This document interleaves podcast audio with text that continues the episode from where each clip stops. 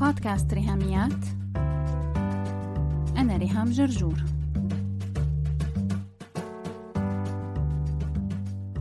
مرحبا. تعرفنا بالحلقة الماضية على صباح يلي هي صداقة البيئة أسلوب حياة. وكمان تعرفنا على جريتا البنت السويدية يلي اعترضت على ارتفاع الحرارة والحرايق ببلدها وأخذت موقف.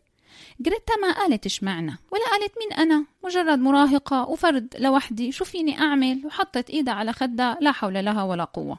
يمكن أنا لوحدي فعلا ما يكون إلي مفعول لكن لما أنا بقرر غير عاداتي وأنت بتقرري تغيري عاداتك وأنت بتقرر تغير عاداتك وسوا بننشر هذا الوعي حوالينا فبنقدر نوصل لهدفنا المشترك. تخيلوا معي مشهد أفلام كرتون يلي فيه الأبطال ماسكين إيدين بعض وعم يصرخوا في الاتحاد قوة! هذا حقيقي كتير على فكرة.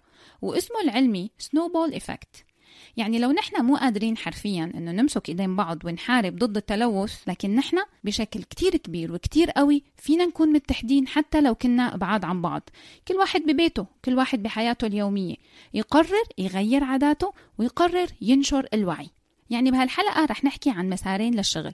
لو لسه ما سمعتي حلقة رقم 46 من بودكاست ريهاميات اعملي بوز لهالحلقة واسمعي صباح رقم واحد وبعدين كملي تسمعي هالحلقة حتى تتخيلي المسارين يلي رح نشتغل فيهم مع بعض. أول مسار إني أنا أرفع الوعي تبعي وآخد قرار وأتغير فعلا وتاني مسار إني أنا أنشر هذا الوعي وشجع غيري هو كمان ياخذ قرار ويتغير. ونمشي بهالمسارين هدول على التوازي مع بعض. يوم ورا التاني شخص ورا التاني كرة التلج الصغيرة لما عم تتدحرج نازلة من على الجبل عم تكبر وتكبر وتكبر لحتى تصير قوة كبيرة وإلها تأثير ومفعول. ما كان مبين كتير من لما كانت بحجم كرة بينج بونج. لهيك أنا بؤمن بالفرد وبؤمن بقراري أنا كفرد. وبهالحلقة رح نحكي عن حلول فردية وواقعية. لهيك رح نختار واحد من المستويات الثلاثة تبع صداقة البيئة. حتى نكون واقعيين ومحددين وناخد قرار قابل للقياس. يعني ما فيني أنا أقول إنه أي أنا رح صير صديقة للبيئة وهيك خلي الموضوع عايم يعني. لا أنا لازم حدد شو بدي أعمل حتى أعرف تابع قراري إذا أنا فعلا عم نفذ يلي قررته.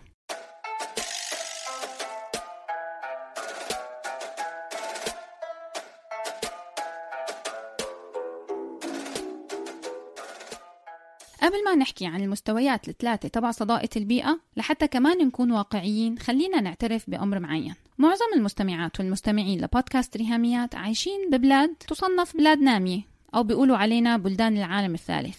يعني أنا بأحسن الحالات من الطبقة الوسطى. يمكن أكون من الطبقة الوسطى الدنيا. يعني مهمومة بأساسيات الحياة والسرفايفل نازلة من بيتي مو ضمناني يكون في أمان بالشارع كفاية لحتى أرجع لأولادي.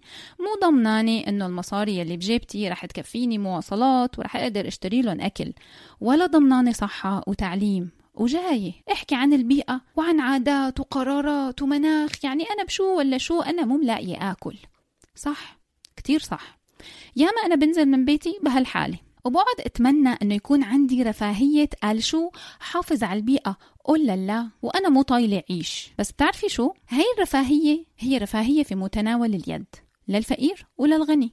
وهذا اللي أنا اكتشفته خلال الخمس شهور الماضيين. لا وكمان هاي الرفاهية بتعود بفائدة اقتصادية علي بتوفر مصاري يعني. وكمان بتعود بفائدة نفسية إني بحس حالي عملت شي ولو بسيط. ورح أقول لك بصراحة أنا كنت خلال هالخمس شهور كل ما أحس بعجز ويأس خلال الصيف إنه يعني ما قدش علي أنا وطبعا ما رح يفرق شيء بكل هاللي عم بعمله ونات عقال قرارات وحاملة السلم بالعرض هذا مصطلح سوري إنه يعني قاعدة معقدة عيشتي يعني. فكل ما ألاقي حالي عم فكر هيك كنت قرر إنه أعمل شفت بتفكيري وصرت كرر لحالي جملة عيد وزيد فيها وكل مرة بصياغة مختلفة بس هي نفس الفكرة إنه لو اللي عم بعمله أنا ما سبب فرق حوالي فهو سبب فرق جواتي. حتى لو ما غير أي شيء بالعالم اللي حوالي لكن اللي عم بعمله غيرني أنا من جوا كإنسان. عملني إنسان أرقى. صرت حاسة حالي من جوا إنسان نظيف. بحاول إني حافظ على نظافة البيئة اللي حوالي والمحيط يلي أنا عايشة فيه يكون نظيف وانتبه على زبالتي وأوعى شو عم كب وأتدرب على تغيير عاداتي. فال minimum ال minimum إنه على فرض هالقرار ما غير شيء حوالي فهو بيغيرني أنا. لكن الحقيقة إنه هالقرار بيعمل تغيير حوالي. وأنا لازم ضلني مؤمنة بهالحقيقة وانشر الوعي واتذكر السنوبول إفكت صدقيني عن تجربة كتار مننا يلي فينا مكفينا ومو ناقصين هموم ولا قرارات. لكن لما تبتدي تغيري عاداتك رح تحسي بالفرق جواتك وصدقوني كمان في فرق بيحصل حوالينا.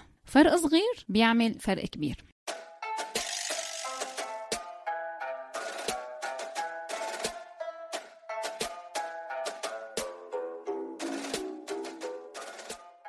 مستويات صداقة البيئة. أنا بشوف إنه لما الواحد يقول أنا صديق للبيئة فهو ممكن يدخل ضمن واحدة من هالتصنيفات الثلاثة.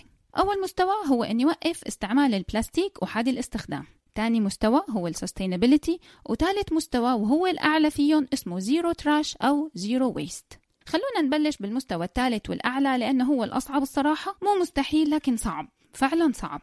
ويمكن بالبلاد العربية لسه صعب أكثر بسبب شح البدائل وشح المرونة وال flexibility بعيشتنا. شو هو أسلوب ال zero waste أو ال zero trash؟ يعني ببساطة أنا أعيش حياة ما بنتج فيها أي نفايات. لا بأكلي ولا بلبسي ولا بمستحضرات التجميل ولا بمواد التنظيف عبوات التخزين. ببين بسيط بس هو فعليا إذا فكرنا فيه رح نكتشف قديشه تحدي. ومن ضمن ال linkات يلي بال notes تبع هالحلقة رح تلاقوا فيديو عن بنت عايشة zero trash شوفوا الفيديو بتتعرفوا أكثر على هذا المستوى من صداقة البيئة. المستوى الثاني هو sustainability لما يكون أسلوب حياتي sustainable lifestyle. كلمة sustainable بتعني أنه قابل للحياة أو دائمي أو مستدام ومستمر.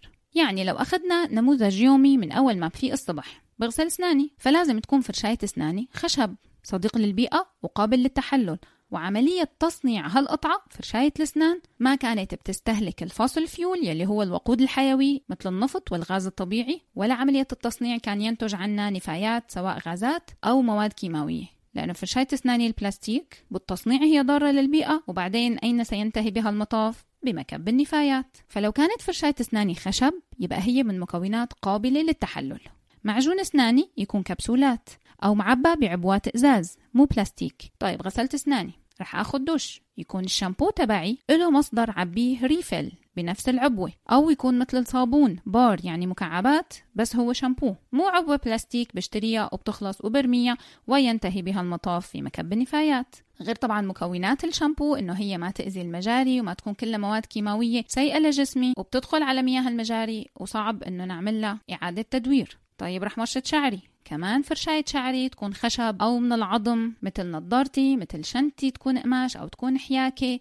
نزلت من البيت ما ركبت سيارتي الخاصة وصرفت بنزين وساهمت بانبعاث الكربون لكن ركبت مواصلات عامة أو سيارة بتعمل بالطاقة الشمسية أو ركبت عجلة بسكليت أو مشيت. آخذي معي أكل على الجامعة أو الشغل؟ تمام. بعبوات ازاز أو ملفوف بورق أو عبوة الومنيوم وهالثلاث مواد مناسبة جدا لحفظ الأطعمة وقابلة لإعادة التدوير 100% الإزاز بنعمل له recycling الالومنيوم بنعمل له recycling والورق بنعمل له recycling حابين تسمعوا حلقات بودكاست ريهاميات بدون إنترنت؟ بمجرد انه معكم موبايل وسماعات؟ وين ما كنتوا سواء بالبيت أو سايقين أو رايحين على الجامعة على الشغل راكبين مواصلات أو بالجيم أو عم تعملوا أي شيء تاني. عندي خبرية وطلب. الخبرية هي إنه لو معكم موبايلات أندرويد فيكم تلاقوا بودكاست ريهاميات على application أنغامي. واللي معه آيفون رح يلاقيه على ال icon الموف تبع Apple Podcast الطلب إنكم على تطبيق أنغامي تعملوا like لل podcast و love لهالحلقة وكل الحلقات التانية أكيد أو على الآيفون تشتركوا بالبودكاست تعملوا subscribe و rating تختاروا كم نجمة من الخمس نجوم بتحبوا تعطوا بودكاست ريهاميات خمس نجوم. ال subscribe وال rating ما بياخد منكم غير ثانيتين ولو معكم نص دقيقة ممكن تكتبوا review أنا كتير بحب أعرف رأيكم بالبودكاست وبالحلقات. وشكرا مقدما لدعمكم وتشجيعكم ومساعدتكم أنه البودكاست ينتشر. من خلال هالطريقة البسيطة أنه تعملوا subscribe و rating وأكيد لو كتبتوا review أنا رح أكون متحمسة كتير أني أقرأ كل ال reviews وخلونا هلأ نرجع نكمل حلقتنا مع بعض. رح نطلع فاصل قصير ونرجع نكمل حلقتنا مع بعض. أنا مي الخولي host podcast Special أم. بتكلم على كل حاجة تخص الأم والعيلة ككل. أوعدكم هتسمعوا معلومات تستفيدوا بيها وحلول عملية سواء للمشكلات اليومية أو التحديات الأكبر اللي ممكن تمر بأي أسرة. نسيت أقول لكم إن أنا Certified Parent Coach وأهم من ده أنا أم زيكم مضغوطة و overwhelmed and trying to figure it out. please follow ال link بتاع البودكاست في ال show notes تحت.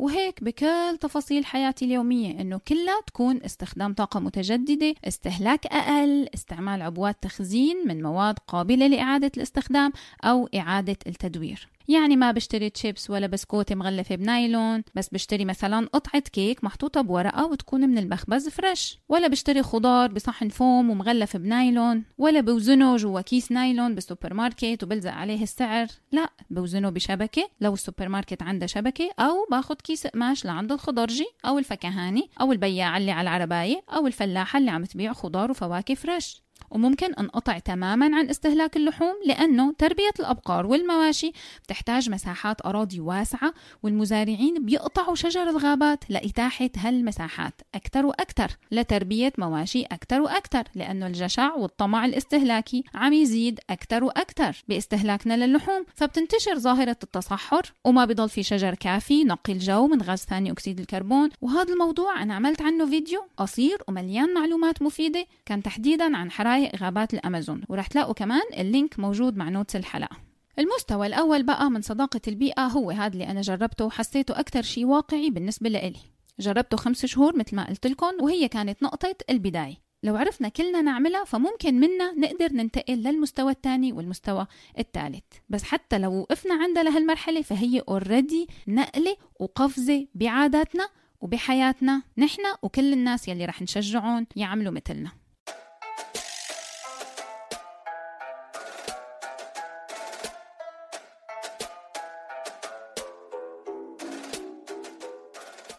المستوى الأول اللي هو تجنب استعمال البلاستيك أحادي الاستخدام. وهون أنا الصراحة كنت واقعي لأنه البلاستيك عموما أنا ما بقدر وقف استخدامه. في ألعاب بشتريها لأولادي مصنوعة من البلاستيك في عبوات تخزين بشتريها من البلاستيك لأنه بالنسبة لي أرخص من العبوات التانية. في أثاث ببيتنا مصنوع من البلاستيك لأنه ما عندنا ميزانية أنه نشتري البديل. طبعا الخشب أغلى والحديد أغلى والقماش أغلى وفي كتير خامات أغلى بكتير من البلاستيك. فأنا عم بعترف بفضل البلاستيك بحياتي ولكن يلي بحاول أعمله أني خفف من استهلاكه واكتفي بأقل القليل من المقتنيات عموما. وبنرجع لحلقات ال minimalism يلي كتير بذكرهم أنا الحلقة رقم 10 و11 من بودكاست ريهاميات. بشجعك إنه تسمعيهم.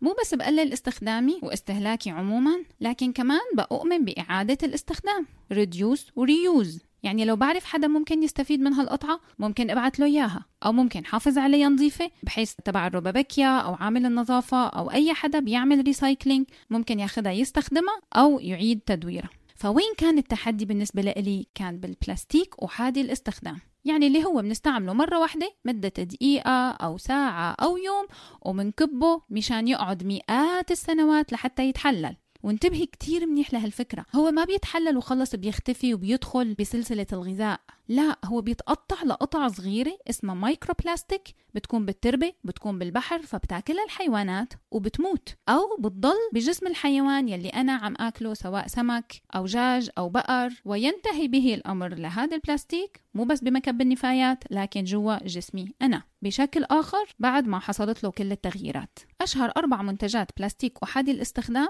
يلي داخلة بحياتنا اليومية بشكل نحن فعلا ما واعيين له هي واحد الأكياس النايلون تبع ال shopping اثنين عبوات تخزين الطعام وأدوات أكل الطعام مثل الصحون والشوك والمعالق البلاستيك ومن ضمنها الشليمونات ثلاثة المياه المعدنية أناني المي أو زجاجات الماء البلاستيكية وزجاجات العصاير والمشروبات الغازية كمان ضمن هالمجموعة. أربعة هو منتج جديد بالنسبة لإلي وعمل لي صدمة لأني كنت مفكرته بيتحلل مثل الورق والقماش. طلع هو لا ورق ولا قماش. ال wet wipes من أخطر المنتجات يلي بتأذي البيئة. يلي هي المناديل المعطرة غير إنه الغلاف تبعها هو بلاستيك لكن هي نفسها ال wipe نفسها ما بتتحلل لأنه داخل بتركيبة بلاستيك. وكمان حطيت لكم فيديو رهيب مع notes هالحلقة عن تراكم كميات مهولة من ال wet wipes بلندن والفيديو في عليه subtitles بالعربي لازم تتفرجوا عليه.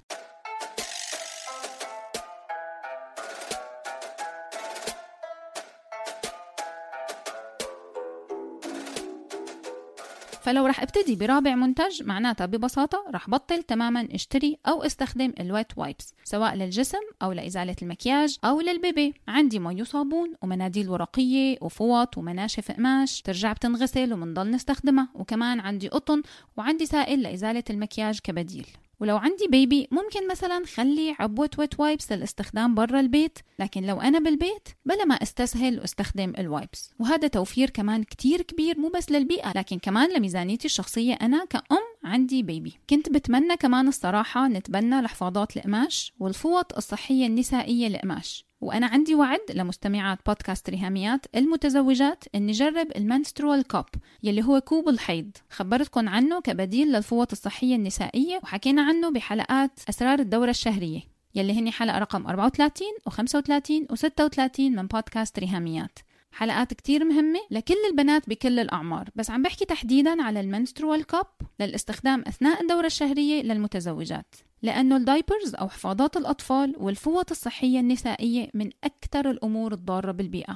استهلاك كتير عالي وكتير كبير وما بتتحلل. والحقيقة أنا أولادي الاثنين استخدمت معهم الحفاضات الجاهزة مع أنها سيئة كتير للبيئة بس فكرة الحفاضات القماش وغسيلها موال الصراحة. ولو في أم هلأ عم تسمعني وهي آخذة هالقرار تستخدم فعليا حفاضات قماش لأولادها فأنا أرفع لك القبعة واحييك من قلبي وبعترف بعجزي إني أعمل هيك. بس رح جرب الفوط الصحية القماش ورح جرب ال menstrual cup لما أقدر لاقي quality عالية ووصي حدا مسافر جاي على مصر يجيب لي إياها من برا. بس بالوقت الحالي ولأجل الدقة والأمانة رح أحكي لكم بس على الأشياء يلي جربتها وعلى أنواع البلاستيك أحادي الاستخدام يلي أنا فعليا وقفتها أو بلشت خفف منها في سبيل أني يوما ما وقف استعمالها تماما. فبصراحة ال wipes لسه ما بطلنا استخدامها نهائيا كعائلة لكن خففناها بشكل كتير كبير. يعني بجيب العبوة بفتحها من على جنب وبطالع ال wipes وبقصهم بالنص. فعلا بمسكهم بالمقص وبقصهم بالنص. يعني إذا حدا عم يشوفني بيقول يا ساتر هالأم شو بخيلة؟ بس لأنه فعلا في أنواع منها كتير كبيرة. المنديل كتير كبير أنا ماني محتاجته كله بالاستخدام الواحد. فجزء من تقليل الاستخدام إني قصه بالنص وبحطه بعلبة تانية أو برجعه على العبوة تبعه وبلزقها منيح مشان ما ينشف.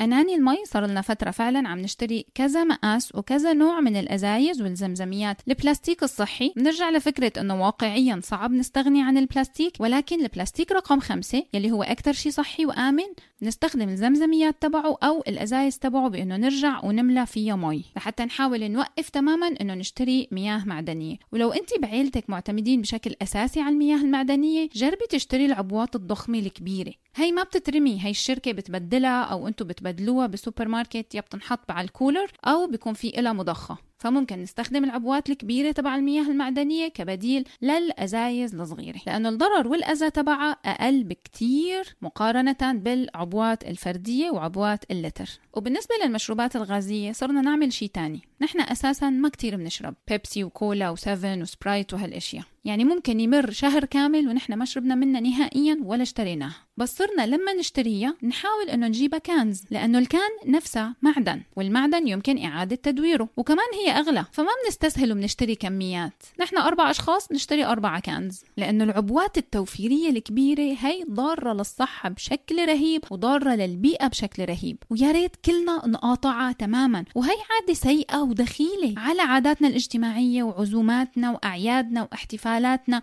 يلي فيكم من جيلي عمره 40 سنة أو أكثر تتذكروا لمة العيلة ببيت جدو وتيتا؟ ما كان فيها هالاختراع السام. كنا نشرب شاي قهوة آه، عصاير برطمان التانج الإزاز أو أناني الإزاز يلي كان فيها مثلا عصير مكثف شربات بيبقى معمول شغل البيت. ما كان في العبوات العملاقة تبع البيبسي والكولا يلي كلها سكر و acid وألوان. وقال شو؟ مرطبات حاجة ساقعة نبلع بيها ترطب على قلبنا وكل هالدعاية الاستهلاكية للشركات يلي عم تتربح من فلوسنا ومن صحتنا وتضر البيئة. بس المهم إنه هن يصيروا أغنى وأغنى بسبب جهلنا. يا ريت نرجع للعصاير الطبيعية والقهوة والشاي واليانسون والزهورات وكل هالمشروبات يلي طول عمرنا عايشين عليها. لكن وقعنا بفخ الدعاية والإعلان والإدمان تبع مواد مثل السكر والكوكاكولا.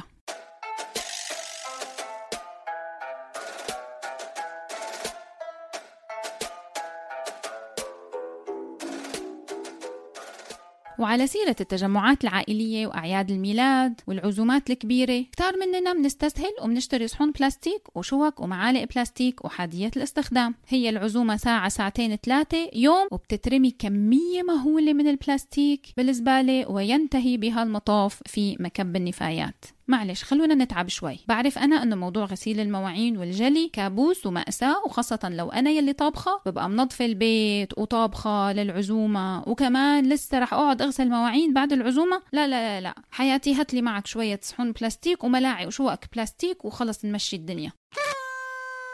رح أحكي لكم بصراحة من فترة كان في وحدة رفيقتي عملنا لها سربرايز على عيد ميلادها ورحنا لعندها على البيت بالاتفاق مع زوجها. كان شكلي أنا مسخرة عن جد بضحك. نازلة من بيتنا وناتعة معي صحون الأولاد أطباق بلاستيك وشوك ومعالق من عنا من البيت. فعلا عم بحكي جد وكاسات بلاستيك كمان. يلي هي مو البلاستيك احادي الاستخدام يلي هي البلاستيك الصحي اللي قلت لكم عليه يلي بنغسله وبنستعمله للأطفال عموما يعني. فقلبناها نكتة ومزح وهزار وتعاوننا كذا حدا لما غسلنا المواعين وبالجلي كان في ثلاثة أربعة كنا عم نغسل المواعين.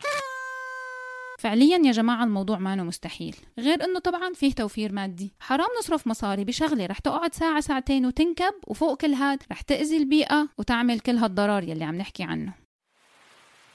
وخاصة بالمدن الساحلية لأنه كل هذا البلاستيك عم ينكب بالبحر. ورح تلاقوا لينكات مع ال notes كمان. تحكي عن أمثلة لتلوث السواحل والشطآن والبحار والمحيطات بمخلفاتنا نحن كبشر من وراء جهلنا وأنانيتنا. وفي حركة بسيطة بدي أخبركم عنها إنه لو كنا بمطعم وعطونا بواقي الأكل take away أو لو كنا طالبين order وراجعين ناكله بالبيت. خلونا نقول لهم إنه لا ما لنا محتاجين الشوك والسكاكين والملاعق يلي بيعطونا إياها. نحن راجعين ناكل ببيتنا. ففينا فعلا نستغني عن ال utensils اللي معمولة من البلاستيك أحادي الاستخدام. وبخصوص الشليمونات أنا بشجعكم نوقف استخدامها تماما لأنه في إلها بديل كرتون شليمون ورق. ومن أول ما أنا كريهام عملت ال shift واشتريت شليمونات ورق أول comment بسمعها إنه هي بتتبلل وبتشتش وما فينا نستخدمها مرة تانية. ليش نحن عم نستخدم الشليمونه مرة تانية؟ شليمونات بلاستيك رخيصة كتير فبنستخدمها نص ساعة ومنكبها وبتقعد مئات السنين تلوث البيئة. الشليمونات الورق من ورق مقوى. تستحمل فعلا وممتع الشرب فيها لمجرد فكرة إنه أنا ببتسم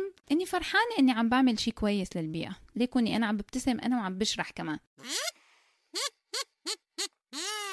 وكمان فيني جيب الشلمون البلاستيك يلي سميك شوي وبيعاد استخدامه. ولادي عندهم اثنين من هدول الشلمونات واخترعت لهم طريقة لتنظيفهم. بجيب عصاية شيش طاووق خشب وبقص زاوية من الليفة تبعي وبدخلها بالشلمونة وبغسلها وبنرجع بنستخدمها مرة تانية. وعلى فكرة أوروبا مع بداية سنة 2021 رح تمنع تماما استخدام الشلمونات البلاستيك. وعلى سيرة المنع يمكن كتار منكم ما بيعرفوا إنه بتموز يوليو 2019 بمحافظة الغردقة بمصر تم منع استخدام الشلمونات البلاستيك وكمان أكياس ال shopping النايلون. وعقبال باقي ال 27 محافظة بمصر كمان يتعمم عليهم هالقانون.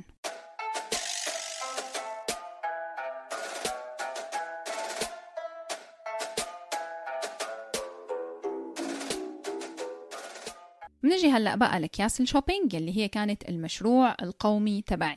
كيف شوي شوي صرت أتعود إني أستبدل الأكياس النايلون بأكياس قماش. دائما أنزل من البيت معي أكياس قماش سواء بدي أشتري خضار بدي أشتري شيء من السوبر ماركت أي مشتريات. بقول له للبياع شكرا مش عايزة شنطة بلاستيك شكرا مش عايزة كيسة نايلون من فضلك حط لي الحاجة بالكيسة دي الكيس القماش. وبالنسبة للكياس القماش عندي خبرية حلوة إنه بودكاست ريهاميات شغل خط الإنتاج ومجهز لكم collection أكياس قماش رح يكون متاح قريبا للي حابب يشتري. وكمان في معه مفاجآت كتير تساعدك على تغيير أسلوب حياتك حياتك لتصيري صديقة للبيئة. بس لو انت برا مصر أو لو مو حابة تشتري اكياس جاهزة فأنا عاملة فيديو خصوصي لطريقة خياطة شنطة قماش بدون ما يكون عندك حتى ماكينة خياطة. شنطة شيك و double face وعملية كتير وبتقدري تعمليها بنفسك بتكلفة قليلة كتير. الفيديو كمان مع notes هالحلقة تفرجي عليه واعملي انت شنط القماش الخاصة فيكي وخليكي متابعة صفحة ريهاميات على الفيسبوك لو حابة تشتري. كياس القماش اللي عم أعملها كنت بتمنى إني اكون عم خيطها بنفسي لكن للأسف ما عندي وقت. مع إنه لو دورتي على ألبومات قديمة بصفحة ريهاميات رح تلاقي على الفيسبوك صور من سنة 2013 لما كنت خيط شنط جلد على شكل أهرامات خيطت شنط بحر كبير كبيرة من قماش الكيبلينج. أيام لما كان ريهاميات مشروع شغل يدوي لأنه أنا عندي إدمان للشنط والمجات تحديدا. فخيطت كمية شنط مهولة وطبعت كمية مجات مهولة. بس حاليا خط الإنتاج تبع بودكاست ريهاميات شغال بالاتفاق مع خياطة professional هي يلي عم تجهز لنا ال collection الجديد. وأنا ضايفة عليه هدايا ومنتجات تانية كتير رح تعجبك وأنا مجربتها بنفسي حتى ساعدك تاخدي قرار صح. صداقة البيئة كأسلوب حياة. هالحلقتين هدول كانوا لمحة سريعة عن موضوع البيئة وللحديث بقية أكيد. لا تنسي تشاركي الحلقات مع كل الناس اللي بتعرفيهم. حتى سوا ننشر الوعي وناخد قرارات ونتشارك بخبراتنا وبأفكارنا لنغير عاداتنا ونكون أصدقاء للبيئة. بس هيك. لو عجبتكم الحلقة لا تنسوا تشاركوها على ال social media حتى ناس أكثر تستفيد. تقدروا تتواصلوا معي عبر الموقع الإلكتروني لبودكاست ريهاميات www.rihamiat.com أو تبعتوا لي إيميل على ريهاميات at gmail.com أو message واتساب على الرقم 020 12 79 709 719 وعلى الفيسبوك دايما تابعوا صفحة وهاشتاج ريهاميات. سلامات.